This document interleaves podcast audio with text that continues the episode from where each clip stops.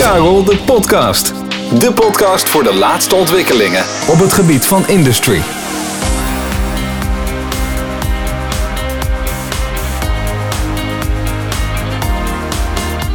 Vanuit de studio van Karel Leurvink is dit Karel de Podcast. En mijn naam is Rijn Hoornstra. Jaarlijks sterven er meer dan 100.000 mensen op de werkplek tijdens onderhoudswerkzaamheden of reparaties aan machines. Eigenlijk bizarre cijfers. Een van de veiligheidsprocedures die kan bijdragen aan het verminderen van deze ongevallen is lockout-checkout. Ik zou haast zeggen een oude bekende, maar vandaag zit opnieuw Virgil Jones van Brady weer bij ons aan tafel. Brady biedt een zeer compleet assortiment lockout-checkout systemen en materialen. Nou, logisch dat we Virgil weer gevraagd hebben om vandaag ons te komen bijpraten over dit onderwerp. Virgil, welkom. Dankjewel Rijn. Ik heb de term al een aantal keren laten vallen, lockout, checkout of zoals je het ook wel eens ziet voorbij komen, loto. Maar voor de beste uitleg moeten we toch echt bij jou zijn. Dat hebben we van de vorige keer onthouden. Virgil, wat houdt lockout, checkout in? Uh, lockout tagout of uh, loto of lototo, zoals het ook wel eens wordt genoemd, is uh, eigenlijk een belangrijke veiligheidsprocedure waarbij de energie wordt afgesloten en bewegende onderdelen vergrendeld worden, zodat er geen gevaarlijke energie vrijkomt tijdens het uitvoeren van onderhoud of reparatie op machines. En op die manier kunnen de werknemers hun taken zo veilig mogelijk uitvoeren en blijft de productie efficiënt verlopen. Oké, okay, heel snel. Lockout, tagout, zeg jij. Lockout, tagout, try-out, low-toto.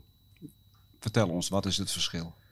Uh, de low uh, staat voor lockout. Uh, het, het, woord zegt het al, je sluit een onderdeel af van de machine. Bijvoorbeeld door middel van een handwiel afsluiten met een slot. Um, de toe staat voor tagout. dit heeft eigenlijk te maken met visuele communicatie... die ervoor zorgt dat medewerkers um, kunnen zien wie het heeft afgesloten en waarom.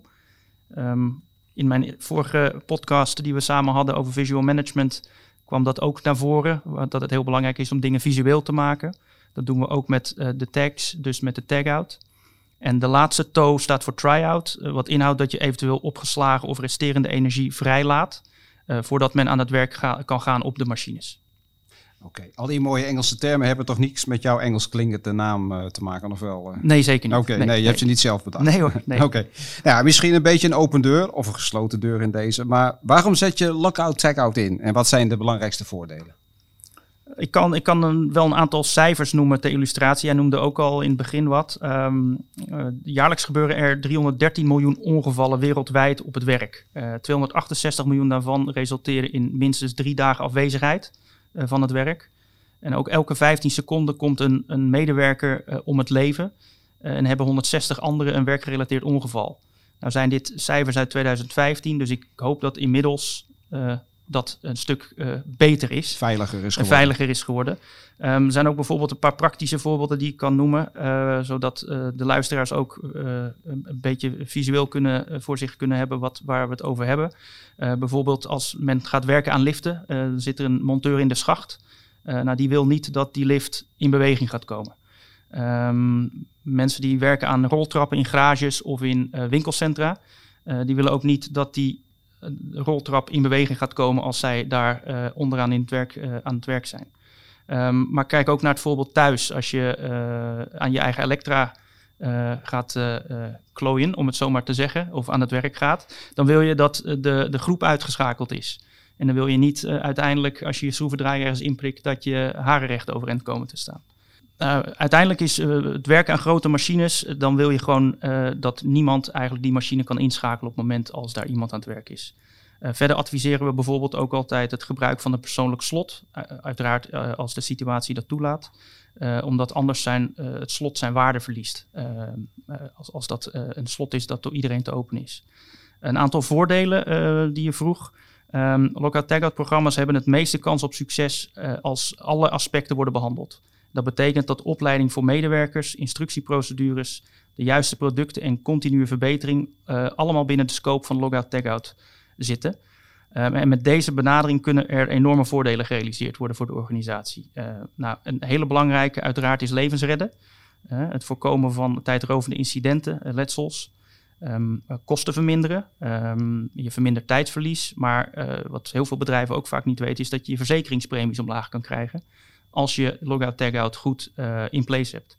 en uiteindelijk verhoogt het ook de productiviteit. het vermindert ongevallen.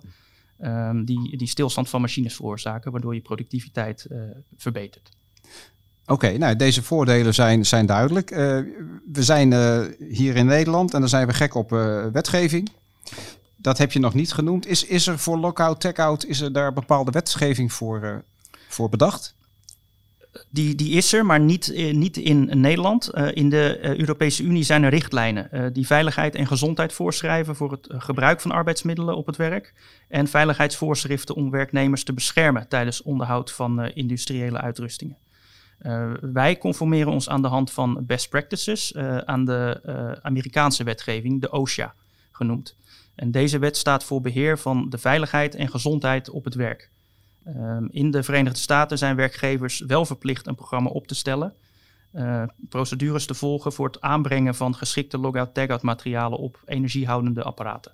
De vraag die ik de vorige podcast ook had willen stellen is: wat is nou het verschil tussen wetgeving en, en richtlijnen? Want uh, zit er echt dan geen verplichting op? Dus een, een werkgever is niet verplicht om sommige zaken zoals in dit geval lockout tag-out uit te voeren?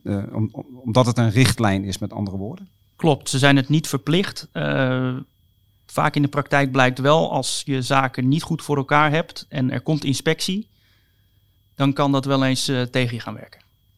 Oké, dus niet alleen als het te laat is bij een ongeluk, maar het kan dus ook bij preventief aangegrepen worden om je toch wel op de, op, op de, de veiligheden, veiligheden ervan te wijzen. Zeg maar. Dat zou kunnen, maar helaas zien we ook vaak dat het gebeurt naar aanleiding van ongeluk. En ja, voorkomen blijft altijd beter dan genezen. Ja, oké.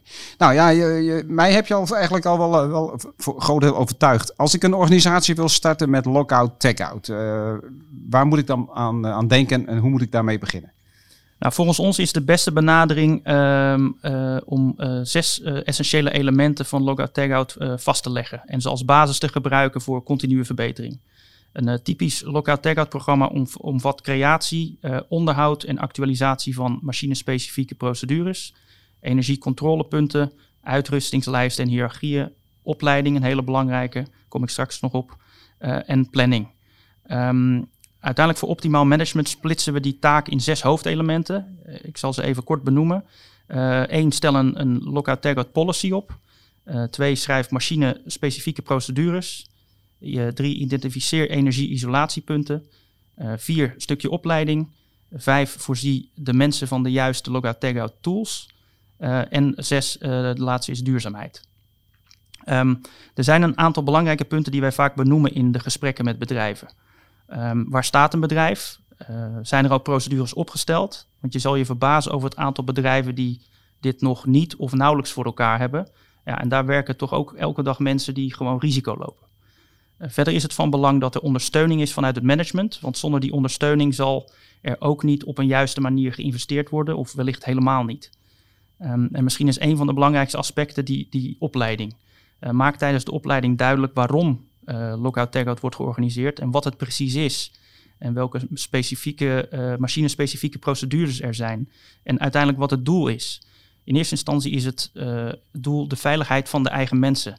En dat moet men wel echt inzien, want op deze manier wordt er juist draagvlak gecreëerd op de werkvloer. En is men ook bereid elkaar aan te spreken als zaken niet worden nageleefd zoals het is afgesproken met elkaar. dus al met al is het eigenlijk een continu proces. Oké. Continu proces, ga door. Ja, uh, wij, raden aan om uh, het uh, Lotto-programma voortdurend bij te sturen. door het programma consequent te bekijken, creëert men een veiligheidscultuur waarbij men ja, proactief isolatiepunten opspoort. En hierdoor kan het bedrijf zich beter concentreren op het onderhoud van het logout-programma, in plaats van elk jaar volledig opnieuw te beginnen en enkel in te grijpen als er iets misgaat. En daarnaast heb je te maken met praktische zaken als nieuwe medewerkers, en die moeten ook weer op de hoogte worden gebracht. Er kunnen ook nieuwe machines bijkomen en die moeten ook onderdeel gaan uitmaken van dat Lockout Tagout programma. Dus na de eerste stappen te hebben gezet, is het een, een continu proces van aan- en bijsturen. Helder. Ja, niet elke situatie is gelijk. En, en daardoor denk ik dat je ook verschillende manieren van dat aanvliegen hebt. Uh, klopt dat? Heb je te maken met verschillende aanpakmethodes? Ja, er zijn situaties die om een andere aanpak vragen. Um, Bijvoorbeeld een, een, als je werkt met, uh, met, met uh, ploegen. Um, tijdens de wissel- of ploegovergang worden specifieke procedures gebruikt om de voortgang van de lockout te verzekeren of ter bescherming van de tagout. Om zo eventuele blootstelling aan gevaren door het onverwacht opstarten van de machine of het vrijkomen van opgeslagen energie te beperken. andere situatie is groepslockout. Als de machine bediend of onderhouden wordt door een ploeg, uh, afdeling of een andere soort groep, moeten ze een procedure gebruiken die de werknemers een bepaald niveau van bescherming oplevert. Dat eigenlijk gelijk is aan dat van de persoonlijke lockout. Elke geautoriseerde werknemer zal een persoonlijk instrument bevestigen aan een groep een groep lockout instrument of een vergelijkbaar systeem. Groep? Lockbox. En dat is? Dat is eigenlijk een, een, een, een, een doosje, een box, ja. waar je verschillende sleutels of sloten aan kan hangen of sleutels in kan doen. Oké. Um, en als uh, ze, uh, dus de geautoriseerde werknemer dat instrument bevestigt bij aangang van zijn werk en deze weer verwijdert als hij stopt met werken aan deze machine. Dus je moet het zo voor je zien. Um, dus er werken verschillende mensen aan een machine. Uh, iedereen hangt zijn, doet zijn slot om die lockbox. En op het moment als de laatste persoon klaar is, dan wordt alles vrijgegeven en kan de machine weer herstart of aangezet worden, in werking worden gezet. Oh, okay. uh, dan is er nog een situatie waar bijvoorbeeld uh, een lockout-tagout instrument verwijderd moet worden. Um, want elk lockout-tagout instrument dat verwijderd moet worden van elk isolatiepunt door de werknemer die het instrument heeft aangebracht. En als de geautoriseerde werknemer die het instrument heeft aangebracht niet in staat is om dit te verwijderen, het kan zijn dat hij naar huis is, ziek is geworden, kan ook zijn dat hij het vergeten is, dan mag dat instrument verwijderd worden mits er toestemming is van de werkgever of manager. Uh, en op voorwaarde dat er specifieke procedures en opleiding voor dit soort verwijdering uh, zijn ontwikkeld, gedocumenteerd en opgenomen uh, in het Logout-Tagout programma. Um, dan heb je nog een laatste situatie, dat is werken met contractors, oftewel externe. Dus telkens wanneer externe werknemers betrokken zijn bij werkzaamheden, um, aan de hand van de opgestelde procedures moet de interne werkgever en de externe werkgever elkaar informeren over hun eigen procedures. Oké. Om het even wat, wat, wat luchtig te houden, want hè, geeft uh, heel, heel, heel gedetailleerde informatie. Uh, het woord machines valt regelmatig. We hebben liften, roltrappen, heb je al e-, eerder als voorbeeld gebruikt. Uh, zijn er ook andere branches waar lockout, tag-out procedures en producten worden ingezet? Uh, ja. Um, het is toepasbaar in eigenlijk heel veel branches. Uh, ook qua complexiteit zit daar veel verschil in. Uh, wij hebben Lockout Tagout bijvoorbeeld ook toegepast in de voedingsindustrie, drankindustrie, datacentermarkt, healthcare, ziekenhuizen, de bouw en waarschijnlijk vergeet ik er nog een paar. Ehm, maar je kan je voorstellen dat bijvoorbeeld in een datacenter een heel ander vraagstuk speelt dan in een, een fabriek of een bepaalde industriële site. Um, en bij zo'n datacenter gaat het bijvoorbeeld alleen om de elektrische vergrendeling. Uh, maar uiteindelijk is dat net zo belangrijk als de eerder genoemde voorbeelden. Oké, okay, dus de GGD had daar geen baat bij gehad met datalekken, zeg maar? Nee, nee. Okay. nee, nee. Ik, ik, vraag me dan dat ik wijs ben. Nee. Oké, okay, um, uh, ja, heb je bepaalde adviezen uh, voor het, uh, het inzetten van lotto-artikelen die, die je zeg maar standaard hanteert bij, bij een organisatie? Heb je een soort blueprint of heb je een bepaalde werkwijze? Uh, die je met ons wilt delen? Ja, zo, zoals eerder aangegeven adviseren we de klant uh, indien de situatie toelaat om te werken met die persoonlijke sloten. Uh, als iedereen het slot kan openen, dan moet je je afvragen, ja, wat is de waarde van een slot dan? Um, we kunnen hierbij ook helpen met het opzetten van slotenplannen. Dus bijvoorbeeld inclusief lopers, we noemen dat master keys. En daarboven kunnen we weer een grandmaster key plaatsen. Um, en dit is ook allemaal weer dan in te vullen in de procedure die wordt opgesteld. Uh, verder adviseren we om zoveel mogelijk te werken met universele tools, uh, zodat het werkbaar blijft voor de gebruiker. Als de ne, medewerker namelijk voor elke vergrendeling een attribuut moet gebruiken, dan zal dat stukje draagvlak, wat ik eerder noemde, snel verdwijnen. Um, een voorbeeld, als je in een fabriek, als een werknemer in een fabriek een paar honderd meter moet lopen, voordat hij bij de locatie is waar de, het onderhoud moet plaatsvinden, en je moet van alles meeschouwen, Um, dan denk ik dat het uiteindelijk onwerkbaar is. En dat zal resulteren in uh, ja, wellicht een omzeiling van de procedure of uh, wellicht het helemaal niet uitvoeren van de procedure. Um, en uh, ik kom weer terug op het visuele aspect, dat ik een tijdje geleden heb aangegeven tijdens onze eerste, eerdere podcast. we raden aan om met duidelijke identificatie te werken, met bijvoorbeeld labels op energieisolatiepunten, zodat men dit ook visueel kan laten terugkeren in de procedure. Ik noem een voorbeeld, als je bijvoorbeeld vier elektrische punten hebt en die vergrendeld moeten worden, dan kunnen we die punten labelen met E1, E2, E3, E4. En op die manier kan de medewerker eenvoudig op de procedure zien wat hij moet afsluiten. Um, denk ook bijvoorbeeld aan de tags van de, de toe in het lotto van tagout. Ook dat is weer een stukje visuele communicatie. Uh, tevens zijn schaduwborden een steeds meer gewilde oplossing. En het voordeel van deze borden is dat uh, ja, de vergrendelingssystemen, hangsloten en eventueel documenten goed zichtbaar zijn en ook toegankelijk zijn voor gebruikers. En uh, ook als je hier uiteraard wat weghaalt, blijft weer de identieke schaduw achter op dat bord. En zie je wat er ontbreekt. Oké. Ja, ik maakte net uh, misschien wel een klein beetje bewust het grapje over een datalek. Want ja, veel van jullie producten zijn heel fysiek. Hè? Grote hangsloten, tags en kabels. Tegenwoordig zie je steeds meer zaken digitaal gaan. Hoe past Lockout Tech-out tech zich aan in de digitale wereld? Hebben jullie daar een, een oplossing voor? Nou, wij beschikken uh, binnen Brady nog over twee pijlers eigenlijk binnen ons uh, Loto-programma.